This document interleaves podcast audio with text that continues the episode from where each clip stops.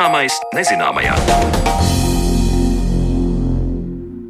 Esiet sveicināti redzējumu zināmais nezināmajā un Sandra Kropa, kā jau parasti šajā laikā kopā ar jums.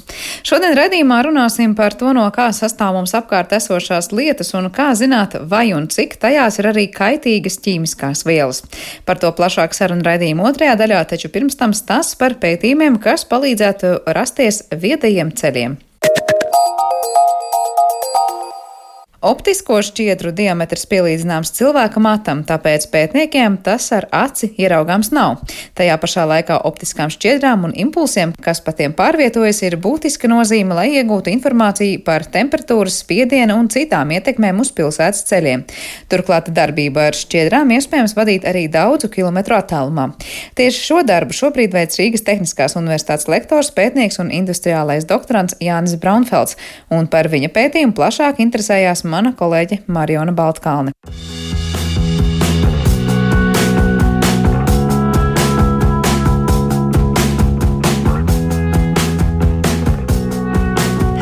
Radīt tehnoloģiju, kas būtu nepieciešama ne tikai universitātei, bet arī industrijai. Šāda iecerē ir Rīgas Tehniskās Universitātes lektoram, pētniekam un industriālajam doktorantam Jānim Braunfeldam, un šobrīd, izstrādājot disertāciju, iecerē pārto praksē. Zinātnieku interesē optiskās šķiedras, un daudzi par tādām būs dzirdējuši saistībā ar informācijas vai datu pārraidi, piemēram, lai būtu piekļuve internetam. Jānis Braunfelds optisko šķiedru izmanto sensoru risinājumiem, lai veiktu uzraudzību ceļiem un tiltiem un novērotu, kā tos, piemēram, ietekmē spiediens, temperatūra, deformācija, mitrums. Tad nu par visu pēc kārtas un plašāk par optiskām šķiedrām un sensoriem iepazīstina Jānis Braunfelds. Optiskā šķiedra, mēs varētu teikt, mūsdienās saprotams, ir tāds stikla diegs. Ja mēs iedomājamies, kā tas izskatās diegs, vai nu cilvēka mats, praktiski ir viss tas pats tikai no stikla. Nu, pat šo diedziņu mēs cenšamies parādīt informāciju. Kā mēs ikdienā to saskaramies, tas ir optiskais internets. No tā vārda optiskais mēs saprotam to, ka informācija tiek pārraidīta nevis elektriskā signāla veidā, bet optiskā veidā. Nu, tas ir gaismas impulsi. Tā kā mēs pārraidām signālu, ir tāds mirklis, ka ir tā gaisma, un ir tāds mirklis, ka nav gaisma. Nu, tad tāds secība kopumā veidojas šie optiskie impulsi. Tas trūkums ir tas, ko mēs pārraidām, mēs ar aci redzēt, diemžēl neredzam. Ja? Tas ir tāds diapazons, ko mēs ar aci nevaram uztvert, kas ir 1550 nanometri. Mēs ar aci varam novērot līdz 680 nanometriem. Nu, tas ir, kad josliņa jau tālāk, nu, to diemžēl mēs redzēt nevaram. Tad sanāk tā, mata diametra stikla caurulīte, pa kuru pārvietojas impulss, kas īsti ar aci nav redzams, bet ir vadāms ar gaismas palīdzību. Pareizi sanāk? Tieši tā, jā, jā kā mēs iedomājamies. Ja ir tāda lazerīša, ko mēs varam, piemēram, sarkanais gaismas lazerīšs, ir tāda paša lazerīša tikai neredzamā diapazonā, ja, ko mēs rācis nevaram redzēt, bet, nu, protams, iekārtas viņas spēj uztvert, spēj analizēt. Nu, tad šādiem impulsiem priekšrocība ir tā, ka mēs viņu varam pārraidīt lielākos attālumos. Tas dod iespēju, piemēram, pašam atrasties vienā vietā, Rīgā un reāli iegūt datus par ogri vai otrādi. Kā tas ir patiesībā iespējams, ja tas nenotiek ar interneta starpniecību? Jo man uzreiz pirmais liktos, nu tad jau internets palīdz, bet eh, tā nav. Mm -hmm. nu, jā, šeit ir tā priekšrocība, tā, ka Latvija ir ļoti kvalitīva un plašā apmērā izbūvēta šis optiskais tīkls. Nu, tad mēs varam izmantot to esošo infrastruktūru lai pārraidītu signālu arī starp pilsētām, jo šī tīkla infrastruktūra ir pieejama. Ja? Nu, tad šis diapazons varētu būt ja, 40 km apmēram attālums, kurā ir iespējams veikt šo sensoru monitoringu, ja, jeb uzraudzību. Varbūt varat mazliet ieskicēt, kā tas jūsu praktiskais darbs tad izpaužas. Jūs, piemēram, atrodaties šeit, universitātē, un pats raidat kaut kādus impulsus, un tad tie jums atbild, un jūs iegūstat informāciju. Jā, tieši tā. Mums ir iekārta, kas vienlaicīgi pārraida šo signālu. Nu, tas uh, signāls mēs varam teikt, ka aizceļ līdz tam objektam, ja, kur mums ir šis sensors. Ja mums tā, piemēram, notiek šī temperatūras izmaiņa, tad šis signāls izmaina savu raksturu, ja, un viņš atgriežas atpakaļ uz šo iekārtu. Nu, tad mēs pēc tam analizējam, kāds tas signāls ir atgriezies atpakaļ, kādas ir šīs izmaiņas šim signālam. Nu, nosakot šīs izmaiņas, mēs varam noteikt, kā tieši šī te, vai nu tas būtu ceļš, ja, vai nu ceļa temperatūra vai nu kāda deformācijas ir notikušas. Starp citu, ja tas signāls atgriežas pie jums deformēts, kā jūs to deformāciju ieraugat krāsā, citā fizikālā parametrā? Jā. Tas signāls ir neredzams, bet, ja mēs izmantojam dažādas iekārtas, tad mēs varam analizēt, kāda ir šī signāla frekvence. Ja mums notiek šī te temperatūras izmaiņa, nu, tad šī frekvence izmainās. Un nosakot, pat, cik daudz šī frekvence ir izmainījusies, mēs varam veikt matemātisku aprēķinu un automātiski noteikt arī, kāda ir šī temperatūra ceļā. Pētījuma ietveros tiek strādāts gan pie tā, lai attālumu mērījumiem starp divām vietām varētu palielināt un sasniegt piemēram 50 km distanci, gan arī aizsardzības mehānismiem, optiskajām šķiedrām jeb smalkajiem stikladiegiem. Sarunas turpinājumā pētnieks iezīmē virzienus, kādos sensoru risinājumi būtu noderīgi. Ja mēs mēram temperatūru, tad, piemēram, mēs varam noteikt, vai šim ceļam neveidos aplidojums. Ja temperatūra tuvojas 0 grādiem, tad tas ceļš veidojas aplidojums, tad šo informāciju var izmantot ceļa apsaimniekotājs un tad veikt šos ceļa apstrādes darbus, lai šie ceļi nebūtu slīdeni. Ja mēs mēram, piemēram, deformāciju, tad mēs, piemēram, varam noteikt, kāda šī transporta līdzekļa, kas pārvietojas, ja kāda deformācija viņus atstāja uz ceļa. Nu, un tad analizēt šo transporta plūsmu, ja, intensitāti, biežumu, tad mēs varētu noteikt arī, cik ilgi šis ceļš var kalpot pie šādas slodzes. Analizējot plūsmas, mēs varam izdarīt to, ka mēs varam eh, minimizēt šos sastrēgumus. Nu, protams, tad nepietiek to, ka mēs vienā punktā šādu sensoru izbūvējam, bet tad mums ir jāizbūvē tāds sensoru tīkls, ik par noteiktu attālumu, kas spēj noteikt, ka tur transporta līdzekļos pārvietojas. Nu, šis ir viens no veidiem, kā to var izdarīt. Ja mēs runājam par temperatūru un skatāmies, vai apledojums kaut kā ceļu nebojā, vai tikpat labi varētu skatīties, vai pārāk karsti plusi ceļu kaut kādā veidā ietekmē. Protams, tieši tā, jā. tā priekšrocība ir tā, ka tos sensors var izmantot visu pilnu gada laiku, jā. gan pie mīnus 30 grādiem, jā, gan pie, piemēram, plus 40 grādiem. Jo, ja mums liekas, ka gaisa temperatūra ir 25 grādi, nu, mēs varam pamērīt ceļu temperatūru un viņa būs ap 40 grādiem. Jā. Protams, atkarīgs, kur mums tā saule saulītes spīdot, tā saule tieši nav koncentrēta. Tieši, kur mums ir ceļš segums, jau, protams, ka šo ceļu ļoti uzkarsē. Nu, lielāku ietekmi uz šī ceļa bojāšanu pēc maniem rezultātiem atstāja tieši smagais transports. Ja. Nu, tas ir viens no iemesliem, kāpēc arī zinātnē ļoti bieži analizēja ja, tieši smago transportu. Gan to intensitāti, gan to biežumu. Ja. Tas ir, protams, sastopams arī pašās Rīgas ielās. Ja kad pārvietojas sabiedriskais transports, kas ir smagāks noteikti nekā vieglais transports. Nu, protams, arī tas, cik daudz šīs mašīnas pārvietojas, un tā intensitāte, protams, arī ir. Nu, bet tas noteikti arī jāņem vērā. Ir, plānojot šo ceļu segumu, jo šāds risinājums noteikti var paredzēt, ja, kāda šī transporta plūsmas tur ir, gan tās intensitātes, gan to biežumu mm. analizē. Šķiedras un signāli visos gadījumos ir vieni un tie paši, bet parametri, kas uz tiem iedarbojas, atšķirīgi, piemēram, temperatūra vai stiepšana. Risinājums ir sarežģītāks tad, ja vienlaicīgi uz šķiedru iedarbojas divi nesaistīti parametri, proti temperatūra un deformācija, bet matemātisku apstrādi iespējams veikt arī šādā gadījumā. Šādus ceļus, kuros var iestrādāt sensorus datu analīzei, var saukt par viedajiem jeb gudrajiem ceļiem. Mans pētījums notiek cieši sadarbībā ar Latvijas mobilo telefonu. Tas, pie kā mēs strādājam, ir tas, ka mēs šo tehnoloģiju varētu padarīt uh, daudz ērtāku lietojumu, ja mēs varam izmantot arī šo mobilo tīkla infrastruktūru. Tas nozīmē, to, ka mums uh, cilvēkam ja, nebūtu jābūt piesaistītam šiem iekārtai. Neatkarīgi no tā, ka mēs varētu atrasties attālumā ja, no šīs iekārtas, bet mums nav jāpieslēdzas šai iekārtai, jāiet klātiņai, bet mēs varētu vienkārši sēdēt savā oficiālā. Mēs izmantojam mobilo tīkla infrastruktūru, šie visi dati tiek pārādīti uz teikt, mākoņa, ja, un tad mēs varam no mākoņa analizēt tos datus pēc tam jāveic dažādas pēcapstrādes, bet ja mēs to visu varam darīt. Atsaistīt no šīs iekārtas, kas padara daudz ērtāku šo iekārtas risinājumu. Tas, pie kā mēs vēl, protams, strādājam, ir tā, ka mēs šos sensorus cenšamies iestrādāt ja, reālajā infrastruktūrā, kur viņi pēc tam varētu tikt pielietoti, ja, un pēc tam mēs varētu sniegt kādus pakalpojumus. Ja. Neiztiek, protams, arī bez sadarbības ar Latvijas valsts ceļiem un arī dažādām būvkompānijām, kā piemēram Binders un ACB, kas palīdz ar tieši šo pašu sensoru iestrādi, jo tas ir ļoti svarīgs process, ka mēs šos sensorus varam kvalitatīvi iestrādāt ceļā. Nu, ja mēs viņus kvalitatīvi neiestrādājam šajos ceļu segmentos, tad mēs vienkārši iegūstam neprecīzus datus. Kā piemēram, ikdienā zināt, kur ir tie ceļi, kuros ir tās problēmas un kur vajadzētu pētīt un skatīties, vai tur temperatūra vai spiediens vai kaut kādi citi faktori nenodara skādi tam ceļam. To primāri šo informāciju iedod Latvijas valsts ceļi vai cits ir tas veids, kā jūs to uzzināt? Jā, nu, protams, jā, mēs ļoti aktīvi komunicējam ar Latvijas valsts ceļiem un izaugsmes ceļus maksimāli kur ir šīs smago transporta plūsmas. Nu, protams, ir atkarīgs arī no tā, kuros ceļa posmos tajā konkrētā laika momentā notiek šie remonta darbi. Jo nu, šādu sensoru iestrādi mēs neveicam jau tikko izbūvētos ceļos. Mēs to darām tiešām būvniecības procesā, lai mēs izdarītu to tā, lai mēs nekaitātu arī tam ceļam. Jo, jo ceļš ir uzbūvēts un tagad sāk veikt kaut kādas ceļu zāģēšanas un sensoru restorānu. Nu, tas nav prātīgi. Mēs paši redzam, kā izskatās ielas vai nu tie gājēji trotuāri, ja, kur kaut kas pēc tam tiek izņemts, ja pēc tam aizpildīts, pēc tam, protams, pēdējais kaut kāds bedres nelīdzinām un šādas problēmas.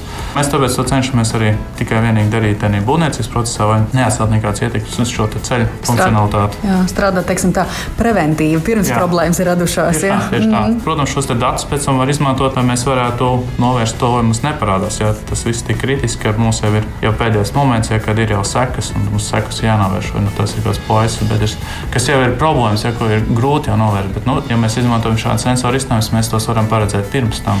Disertācijā tiek strādāts ar temperatūras un deformācijas pētījumiem, taču tiek analizēti arī citi parametri, piemēram, mitruma daudzums gruntsslāņos.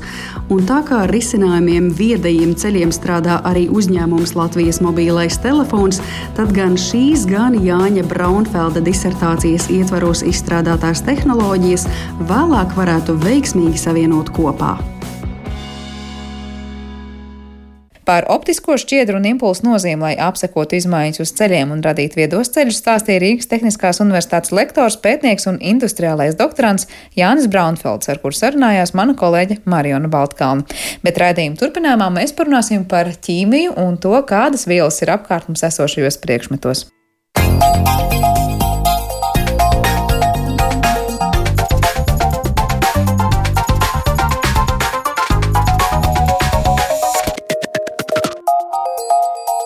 Zināmais nezināmajā.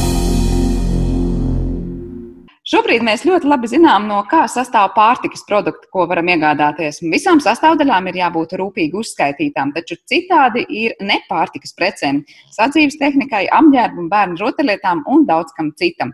Kā zināt, kas ir pašu džempera vai radioaparāta sastāvā, kas šobrīd ir tās kaitīgās vielas, kam tiek pievērsta īpaša nozīme, un kāda ir ražotāju atbildība runājot par to visu? Šiem jautājumiem mēs pievērsīsimies raidījumā atlikušajā daļā, jo mūsu attālinātajā studijā esam aicinājuši Baltijas vidas fóruma vidas ekspertu Līgu Pakalnu un patērētāju tiesību aizsardzības centra preču un pakalpojumu uzraudzības departamenta direktori Lindu Rinku. Labdien! Labdien! Labdien. Kā jūs teiktu, cik liela daļa produktu mums šobrīd ir apkārt, par kuriem var teikt, nu, mēs neesam pietiekoši varbūt informēti, vai mums nav iespēja tā vienkārši paņemt un uz etiķetes izlasīt, nu, kā tas īsti sastāv. Jo es jau sākumā minēju, nu, ar pārtiks produktiem liekas, ir vienkāršāk.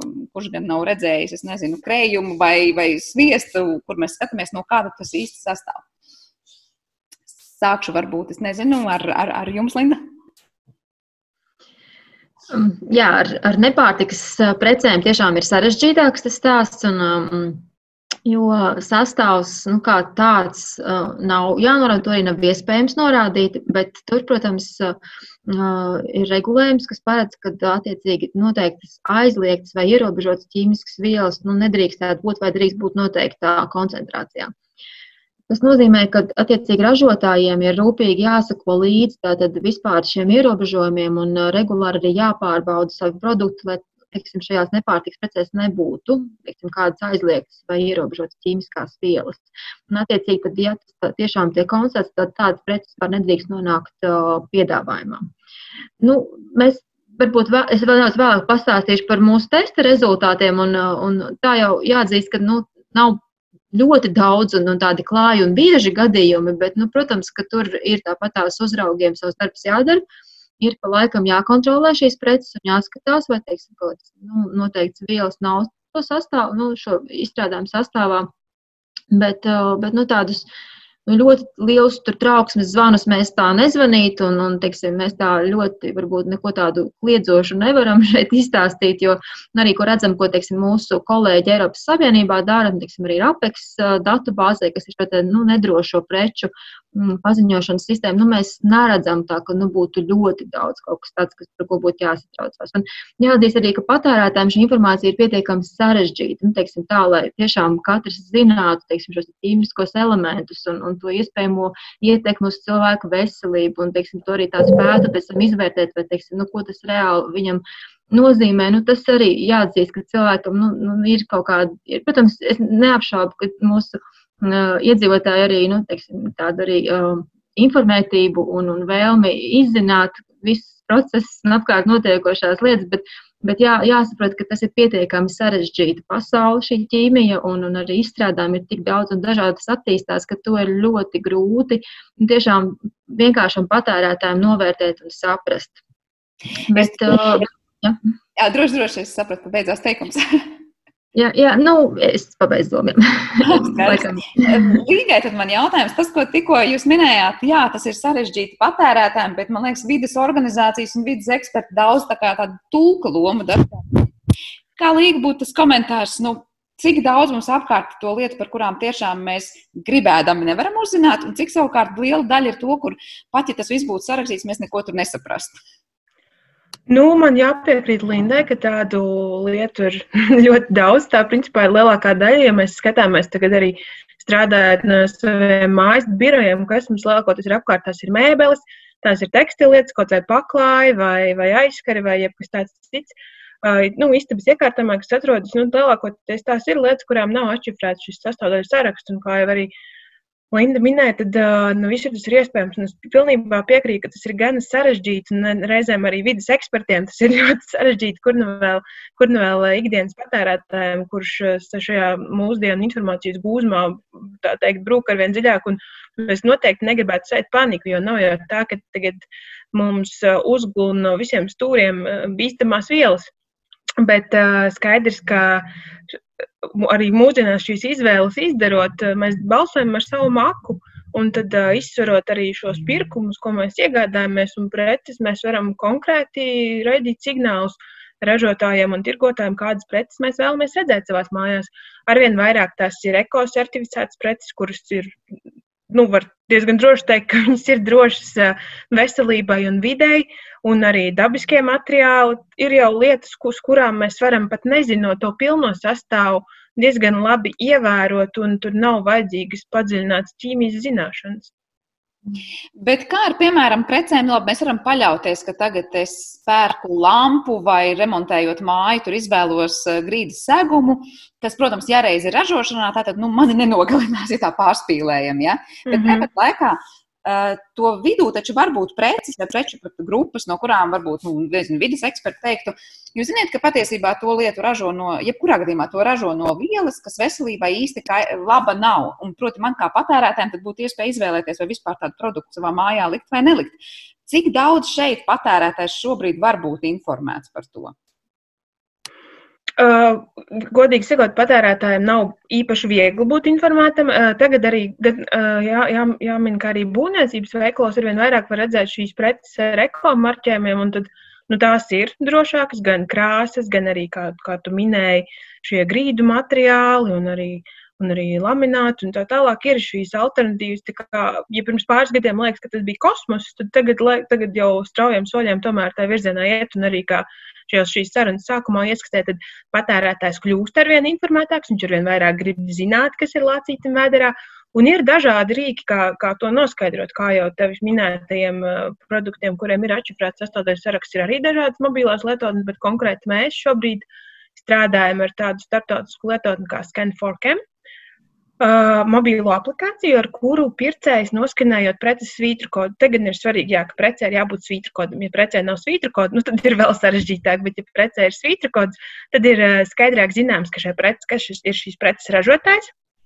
Un, uh, mēs varam viņam vai arī tirgotājiem prasīt informāciju par to, vai šajā precē nav pārsniegts īpaši bīstamās ķīmiskās vielas, noteiktā koncentrācijā. To mēs varam pilnīgi noteikti pajautāt ar šo aplikāciju, jo saskaņā ar Eiropas Savienības eh, rīču regulu ikvienam uh, ražotājam un tirgotājam ir pienākums sniegt pircējiem šo informāciju.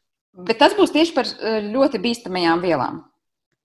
Tas ir par īpaši bīstamajām ķīmiskajām vielām. Jā, kā jau arī Linda minēja, tad visu šo preču pilno sastāvu ir brīžiem pat jā, neiespējami, neiespējami uzzināt, jo tie produkti ir, protams, komplicētāki nekā pārtiks produkti. Arī tavs minētais krējums, viņiem ir vairākas ražošanas stadijas, komplektēšanas stadijas, un tas tiešām ir komplicēti. Bet kā sanāk, labi, mēs zinām, ka, piemēram, ja tajā konkrētajā regulā īpaši bīstamās vielas netiek nu, iekļautas, tad tā viela, esot preces sastāvā, mums, kā saka, galvas sāpes nerada. Bet ir iespējams situācija, kad iekļautajā rīča regulā, tajā īpašo vielu regulā, tikai tad, ja tā ir pārsniegusi konkrētu koncentrāciju. Bet te ir jautājums, Varbūt tā viela nu, nebūtu vēlama arī zemākā koncentrācijā, kaut kur mūsu aizkaros, vai grīdas sekumos, vai, vai bērnu rotaļlietās. Vai pastāv bažas par to, ka patiesībā tādas aplikācijas parādīs tikai ļoti, ļoti, ļoti augstas koncentrācijas tajās vielās? Mm, no vienas puses tā varētu būt, ka aplikācija parādīs šo informāciju un patērētājs saņem šo informāciju par, par precēm, kur šīs ir augstas koncentrācijas, bet nu, tā vēlams slēpjas detaļās. Kā teikt, šī koncentrācija, nu, kas koncentrācija ir, ir, ir noteikta, un ja viņa ir lielāka, tad tas ir bīstamāk, ja mazāk, tad šī bīstamība nav izteikta, tad, eh, tad protams, nu, es ne, negribētu teikt, ka 0,2% jau būtu katastrofa lielākoties ar šīm bīstamajām ķīmiskajām vielām. Bet uh, ir grūti arī novērtēt šīs ietekmes uz cilvēku veselību, jo par to arī šie vidas pētījumi nav tik eh, viennozīmīgi. Un, uh, Tas ir ļoti atkarīgs arī no cilvēka dzīvesveida. Un, kā, ir grūti konkrēt, novērtēt konkrēta produkta vai preces ietekmi, jo mūsdienās jau tā materiāla ir ļoti daudz. Un, piemēram, mājās, ja mēs paskatāmies, kas mums ir apkārt, ir diezgan daudz to preču. Tad, kurš ir tas vienīgais vaininieks pie tā, ka varbūt mums nu, rodas kādas alerģijas? Nu, To ir grūti novērtēt.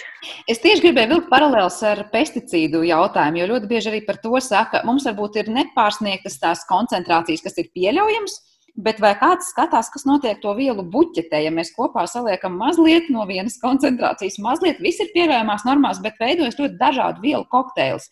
Vai ir pamats bažām runājot par, piemēram, sadzīves precēm mums apkārt?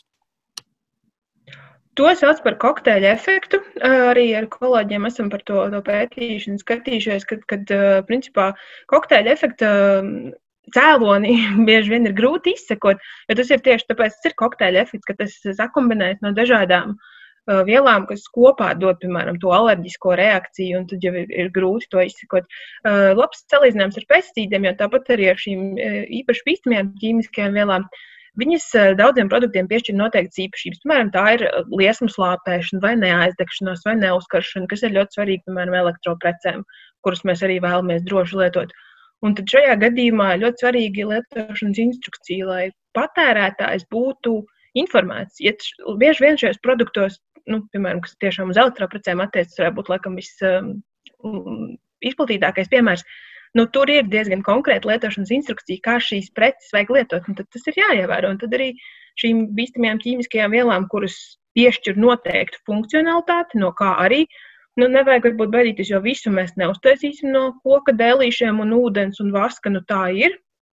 Protams, arī šie produkti ir izējuma materiāli ir brīnišķīgi un vērtīgi, bet nu, tā mūsdienās tas ir. Tā kā lietošanas instrukcija varētu būt otrs vēlams detaļās. Lindē, droši vien ir ko teikt par tām lietošanas instrukcijām, vai ir kādi, kā saka, nu, grēkāži vairāk, kas nenorāda vismaz to, kā pareizi jālieto vai nu, jāuztur tā prece, lai tās bīstamās vielas nu, nenonāktu saskarsmē ar cilvēku. Mm. Jā, instrukcijai ir ļoti liela nozīme īstenībā pareizā patērētāja uzvedībā un, attiecīgi, arī sevi nu, neapdraudēt vai nepakļaut liekiem riskiem. Un, mēs tam pievēršam uzmanību. Un, jāatzīst, ka tā ir mūžīga sāpe mums, jo īstenībā mēs esam maza valsts un, un tie produkti pamatā ir importēti un ievesti no trešajām valstīm, tad tā tulkošanas lieta ir ārkārtīgi sāpīga, jo, diemžēl, netulko. Nenodrošina pilnā apmērā vai iztulko tikai daļai, un beigās nu, tiešām cilvēki nevar īsti iepazīties ar pareizu izmantošanu. Tā ir liela, tā, tā, tā ir liela problēma. Otra problēma ir tāda, pat ja viņas arī ir tās instrukcijas, tad diemžēl arī nelasa. Mēs tikko kā veicām pētījumu par patērētāju uzvedību. Un, tur, manuprāt, tagad, nu, tā no galvas, ja man jāpasaka, man liekas, bija puse no iedzīvotājiem, kas tikai lasīja instrukcijas. Tas jau es arī, es domāju, ka uzdodot to jautājumu, ka tu atbild, tu arī par sevi labāk domā nekā ir patiesībā, kas ir vēl viens tāds. Bet, bet pat tādu 50% tikai lasīja instrukcijas. Un mēs To darījām, aptaujājām saistībā arī ar energoefektivitātes marķējumu, kas ir elektroprecēm. Tur, nu, tur ir korelācija, ka tam īsti nepievērš uzmanību. Tā, par to ir daudz jārunā un jāstāsta, un cilvēkiem tiešām jāaicina iepazīties. Tur ir tiešām vērtīga informācija, lai sevi pēc tam pasargātu. Tā ka tur ir, tas ir, jā, nu, mums mūsu daļa ir panākt, ka komersanti nodrošina šo informāciju, bet patērētāja daļā, protams, ir pienākums ar to iepazīties un, un šo informāciju ņemt vērā. Uh, Attiecībā uz šīm vielām un par to, cik, cik tās ir um, aptvērtas un, un, un teiksim, jau labi saregulētas, regulējas, drīkst piemetināt, ir tas, ka šie pētījumi jau notiek visu laiku, un tā regula ir tik dzīva, ka tur visu laiku ir jauni, jauni ierobežojumi, un, un tie ir balstīti pētījumos. Bet, nu, protams, to visu arī tieši tāpat ir jāsaprot, ka tas ir noteiktiem pētījumiem balstīts, un kā tas ir praksē un, un dzīvē ir, ir kaut kas nu, nākamais stāsts. Bet, Bet tas, ka tur ļoti daudz zinātnieku jau tāpat šobrīd strādā pie tiem ierobežojumiem, nu, tas arī jāņem vērā. Bet, ja teiksim, ir īpaši jūtīgāki cilvēki, tad es teiktu, eko, ekoloģiskie marķējumi un šīs schēmas noteikti ir pie tām ir vērts pievērst uzmanību, lai izvēlētos nu, saudzīgākus un maigākus produktus. Es tieši gribēju jautāt, vai ir kādi atslēgas vārdi, ko var vienkārši ieteikt cilvēkiem. Labi, es no jums abām sadzirdu šo ekomarķējumu. Var teikt, ja tāds ir, vienalga, vai tas ir grīdas segums vai kāds cits produkts, mēs varam būt daudz maz droši, ka tur viss ir kārtībā ar visām koncentrācijām un vielu kokteļiem. Kas vēl būtu tas, ko jūs ieteiktu skatīties tajā iepakojumā? Um, varbūt par uh, tādām lietām, kas ir acīm redzamas, reizēm ieiet veikalā, mēs, kur ir vairāk tādi plasmas izstrādājumi, var just tādu asu plasmasas smaku, uh, reizēm vai tādu izteikti kodīgu smaku. Tad tas varētu būt viens no indikatoriem, kā ļaut savam degunam izvēlēties, pagriezties un iet projām no tā veikala, jo tas nozīmē, ka šie gaistošie savienojumi, kas uh, garo ārā no šīm plasmasas, plasmasas izstrādājumiem, ir viens no signāliem, ko nevajadzētu. Ja nav ekomarķiem, tad reizēm var paskatīties uz to. Uh, vēl ir būtiski skatīties uz to, kāda veida plasmas tā ir. Tā ir, piemēram, mīkstā plasmas, kas ir, nu, piemēram, tā kā uz um, šiem uh, stresa figūriņām, kuras ir paredzētas tam mītīšanai rokās. Tas ir arī viens no tādiem tāda veida elastības plasmas. Arī, arī varētu būt uh, dažādi šie, šie, šīs vielas, kas nav, nav ieteicamas. Bet, uh, vēlreiz gribētu pasvītrot, ka ekomarķējumi paliek arvien kļūst ar vien konkurētspējīgāk un arī ekonomiski izdevīgāk, bieži vien par tā teikt, ierindas, ierindas produktiem. Un, nu, tas ir viens no drošākajiem veidiem, kā izvēlēties. Un dabiskie materiāli, protams. Bet ir kaut kāda konkrēta, nezinu, vielu nosaukuma, kas būtu jāpatur, vai vielu grupu precīzāk nosaukumu, kas jāpatur prātā un jādomā, nu, labāk, lai tādu tur nav, ja es izvēlos vienalga kādu no tiem produktiem. Nu, tās īpaši bīstamās ķīmiskās vielas jau lielākoties nebūs atšifrētas, kā piemēram kādi ftalāti vai liesmas lāpētāji. Visticamāk, lielākoties tie nebūs. Ja šis sastāvdaļu saraksts nav atšifrēts, tad arī šī informācija bieži vien nebūs norādīta. Protams, izņēmumi ir šīs lietošanas instrukcijas, kuras nu, tomēr būtu svarīgi izlasīt arī, protams, šajā laikmetā, kad informācija ir visur un cilvēks ir būt noguris no tā. Un tad, ja tur ir tas minēts, tad, tad reizēm no tā nevajag satraukties. Ja tur ir uzrakstīts, ko ar to darīt, tad, tad, tad tam arī sekot līdzi un, un tā arī šo produktu lietot. Uh -huh. Tad talāta varētu būt viens no vārdiem, kam jāpievērš uzmanība, nu, kam būtu labi nebūt vai būtu ļoti maz tajā sastāvā. Nu, Jā. Jā, jā un nē. Vis, vislabākais, jau visvienkāršākais, man liekas, patērētājiem būtu atcerēties par to ekomarķējumu sākumā. Tas jau būtu labi. Jo, jo šīs īpaši bīstamo ķīmisko vielu, šīs kategorijas, es domāju, ka tas jau kaut kādā mērā varētu būt tas nākamais, nākamais līmenis. Linda, kā jūs teikt, ir vērts pievērst uzmanību? Jā, es gribēju piemetināt to, ka ir vērts izvēlēties produktus. Tāds vis, nu, vispārīgais princips, ir, um, ko es visiem saku, ir no uzticamiem ražotājiem. Vismaz, no, no, vismaz produkts, kur ir norādīts skaidrs ražotājs. Jo bieži vien tas, ko arī kolēģi minēja par par svītrikodu nesamību, tas jau ir signāls, ka kaut kas nav kārtībā. Nu, parasti komersanti tomēr sevi cenšas norādīt, un arī šie identifikācijas elementi ir uz produktiem. Tie, kas tiešām atbild par saviem produktiem. Ja, teiksim, iztrūkst ražotāja norādes, importētāja norādes, identifikācijas elementi, tas jau ir ļoti aizdomīgi. Tas nozīmē, ka tur ir kaut kāda iespējams produkti, kur īstenībā nemaz negrib atklāt izcelsmi, un tur ir, nu, tie mēdz būt ļoti, ļoti riskanti. Tā ka tam ir jāpievērš uzmanība. Tas tāds vispārīgs princips arī uz citiem produktiem. Un, un kā jau arī uh, Līga teica, ka nu, šīs aizliegtās vielas vai ļoti ierobežotās vielas, nu, parasti ja tās arī tur nebūs arī norādīts. Un tad, kad īstenībā, piemēram, raksta uz produkta uh, talātu brīvs vai pie, bez talātiem, tas ir uh, telēt free angliski, uh, vai, piemēram, bez bisfenolā, tas jau arī īstenībā liek domāt, ka to vienkārši izmanto kā tādu mārketinga triku Tur nav stāsts par to, ka nezinu, kaut kādā veidā ražotājs uzņemās kaut kādu lielāku atbildību nekā to regulējums paredz. Tā, tie arī ir tādi lēti triki, ko komersanti mēdz izmantot. Ka, Tā kā, jā, tā es domāju, ka tur nav tik vienkārši, diemžēl, tā atbilde, ka tur noteikti ķīmiskas vielas skatāmies, un tās tur būs norādītas vai nenorādītas. Tāpēc mēs uzreiz varēsim ļoti ļoti nu, viegli izvēlēties labāko mums, bet tā, tā labā ziņa ir tāda, ka tomēr tas regulējums ir pietiekami stingrs Eiropas Savienībā un ir ļoti ierobežotas vielas, es teiktu, ļoti, un no, tur tas uzraudzības darbs tāpat notiek. Ja, piemēram, iegādājas šādas preces ārpus Eiropas Savienības uh, robežām, ir kaut kāds draudz, ka mēs varam nopirkt vienalga bērnu rotaļlietu vai kaut kādu dekorāciju mājām, kas patiesībā ir nu, neatbilstoši Eiropas regulējumam, ražots, pārdots un tā tālāk. Ļoti liels, ļoti liels īpaši tagad e-komercijas attīst, at, e-komercija attīstoties un pērkot preces no trešajām valstīm. Un, un Ķīnas man jāsauc lapas, piemēram, tas pats um, AliExpress un tam līdzīgi. Un tur ir ļoti vilinoši piedāvājumi, ļoti lēti un ātri piedāvā, bet tas, ka mm, par, par, par to atbilstību neviens īsti neuzņemās atbildību Eiropas Savienībā. Un par to, diemžēl, patērētāji neaizdomājās. Līdz ar to mans ieteikums īpaši produktus, ko izmantos mazi bērni, piemēram, īpaši mutē liekams un tam līdzīgi, nu, es neieteiktu pirms trešajās valstīs un, un cerēt, ka tur viss būs kārtībā. Tā ka tur ir drīzāk jāizvēlās Eiropas Savienības ražotāji vai vismaz Eiropas Savienībā tirgot produktus. Tad internetā nopērkot uz Eiropu, pilnīgi mierīgi var tikt atsūtīts jebkas, kas nebūtu atbilstoši šīm te regulām un prasībām. Nu, protams, tas regulējums šobrīd tiek pilnveidots. Tur ir paredzēts, ka, ka no nākamā gada vidus, kad stāsies spēkā tirgus uzraudzības un produktu atbilstības regula, ka būs jāuzņemās atbildība. Bet ir jāsaprot, ja tas ir nu, teiksim, viens produkts, teiksim, viena vienība, ko atsūt uz Latviju, diez vai tur kāds speciāli pārbaudīs uz visiem rīču ierobežojumiem šo produktu. Nu, tā kā jābūt piesardzīgiem. Vismaz šobrīd noteikti. Tā kā tas diezgan nere, nereāli.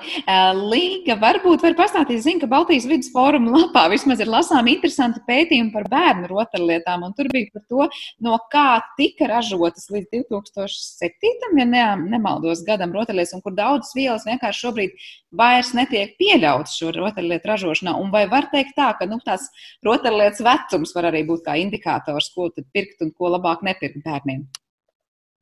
Uh, jā, tā, tā noteikti ir, kad uh, bieži vien šīs mūsu vecās uh, plasmasas rotaļlietas no mūsu bērnības laikiem, ko mēs ar prieku vēlamies nodot piemēram, saviem mazbērniem vai bērniem, atvainojos, vai krustbērniem, vai arī mazbērniem kādam, jā, kad nevienmēr šīs, nu, toreiz jau šie ķīmisko vielu aprites, tā teikt, prasības bija citādākas nekā šobrīd.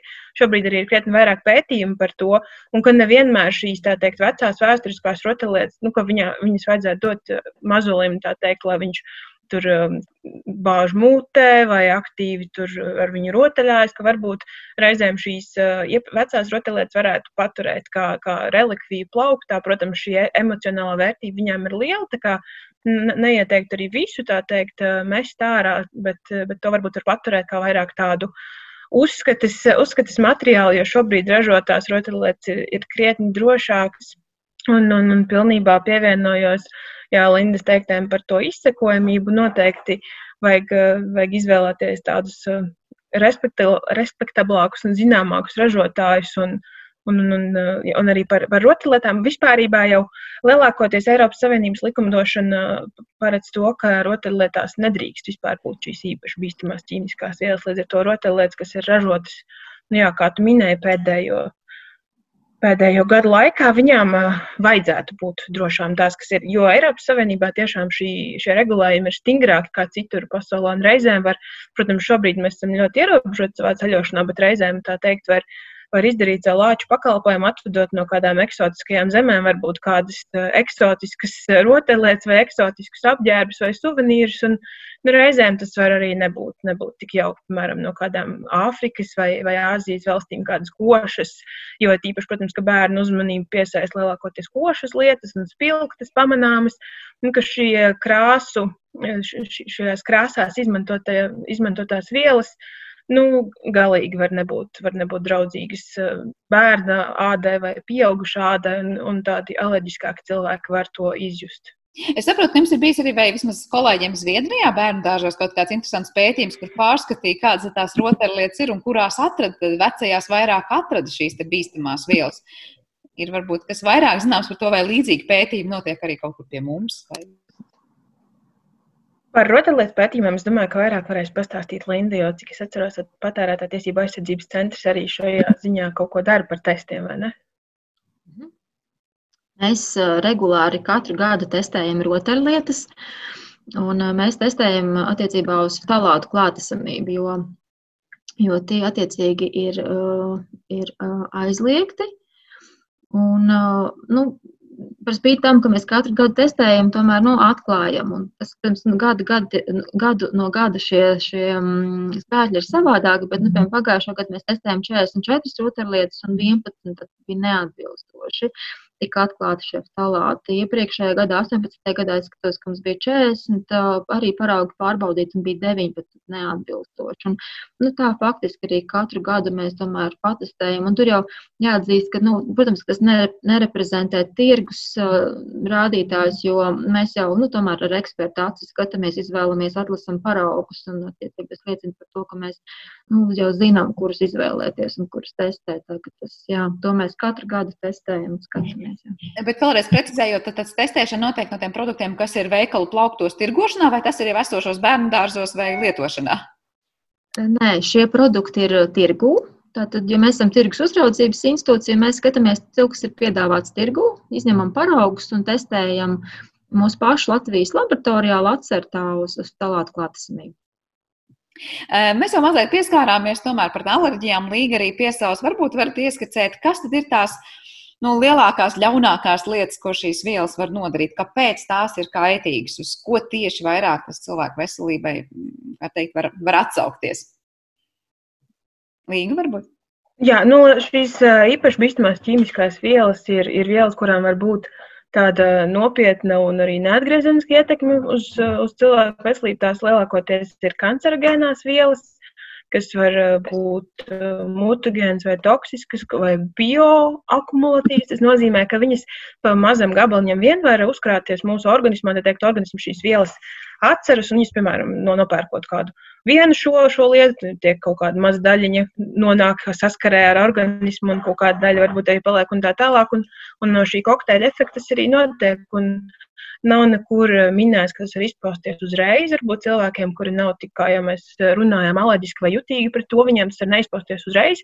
Līdz ar to viņi nekādu no, novērojumu Uh, nejūt, bet uh, ir arī mūsu uh, pro, pro, projektos kolēģi pētījuši, piemēram, cilvēku asins sastāvu, ka, ka arī asins sastāvā šīs, man liekas, te bija polijas iedzīvotāji, kuriem pētīja asins analīzes, un ka šīs bīstamās ķīmiskās vielas tur ir tīri tā nejauši izvēlētos uh, respondentos, kur piekrist piedalīties pētījumā, tikai mūsu organisms uzkrāj šo informāciju, vai mēs to gribam vai negribam. Diemžēl tā notiek.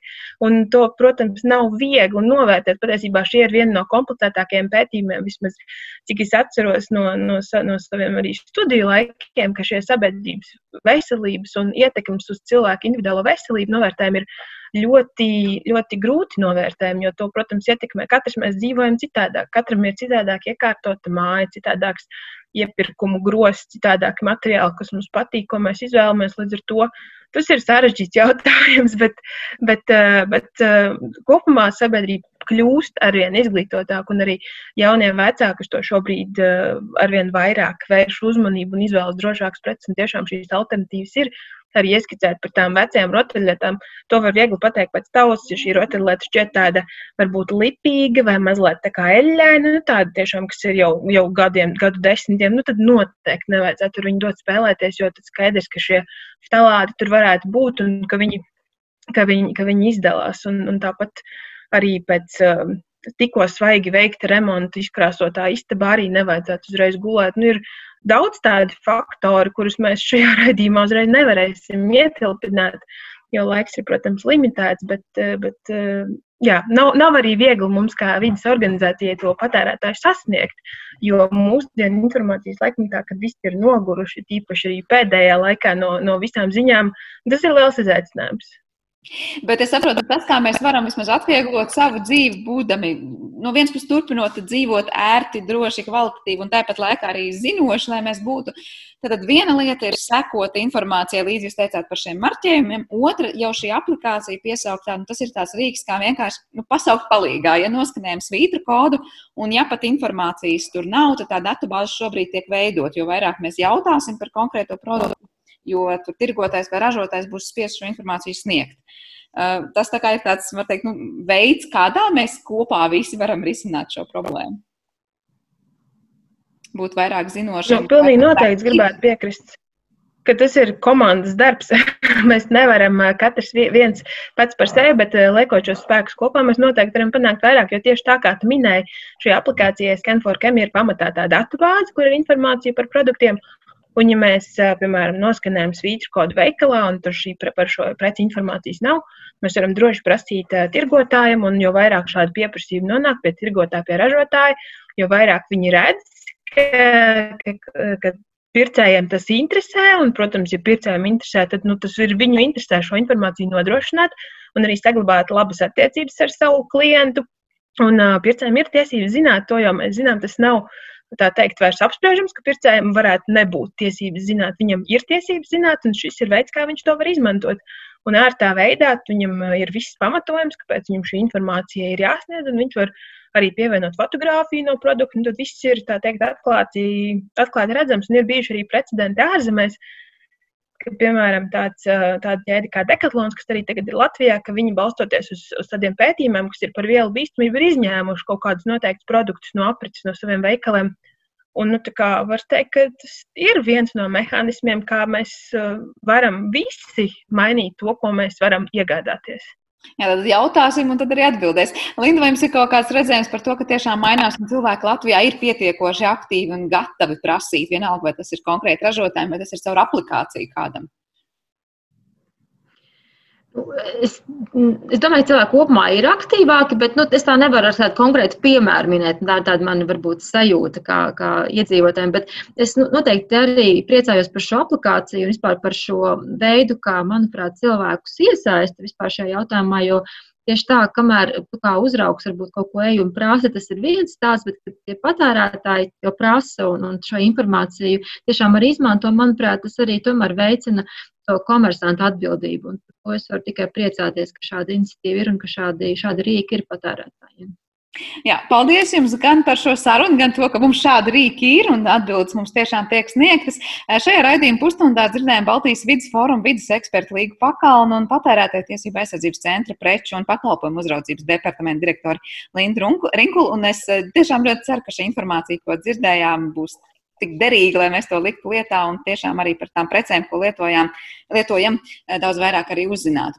Es tikai atgādināšu to, ka šo raidījumu, tāpat kā citu zināmais nezināmies stāstus, var klausīties arī populārākajās podkāstu vietnēs, bet šoreizē teikšu paldies arī producentēs Armītei Kolātei un mūzikas redaktoram Džirtam Bišam, un es ar jums, Sandra Kropa, būšu kopā jau pavisam drīz. Visu labu!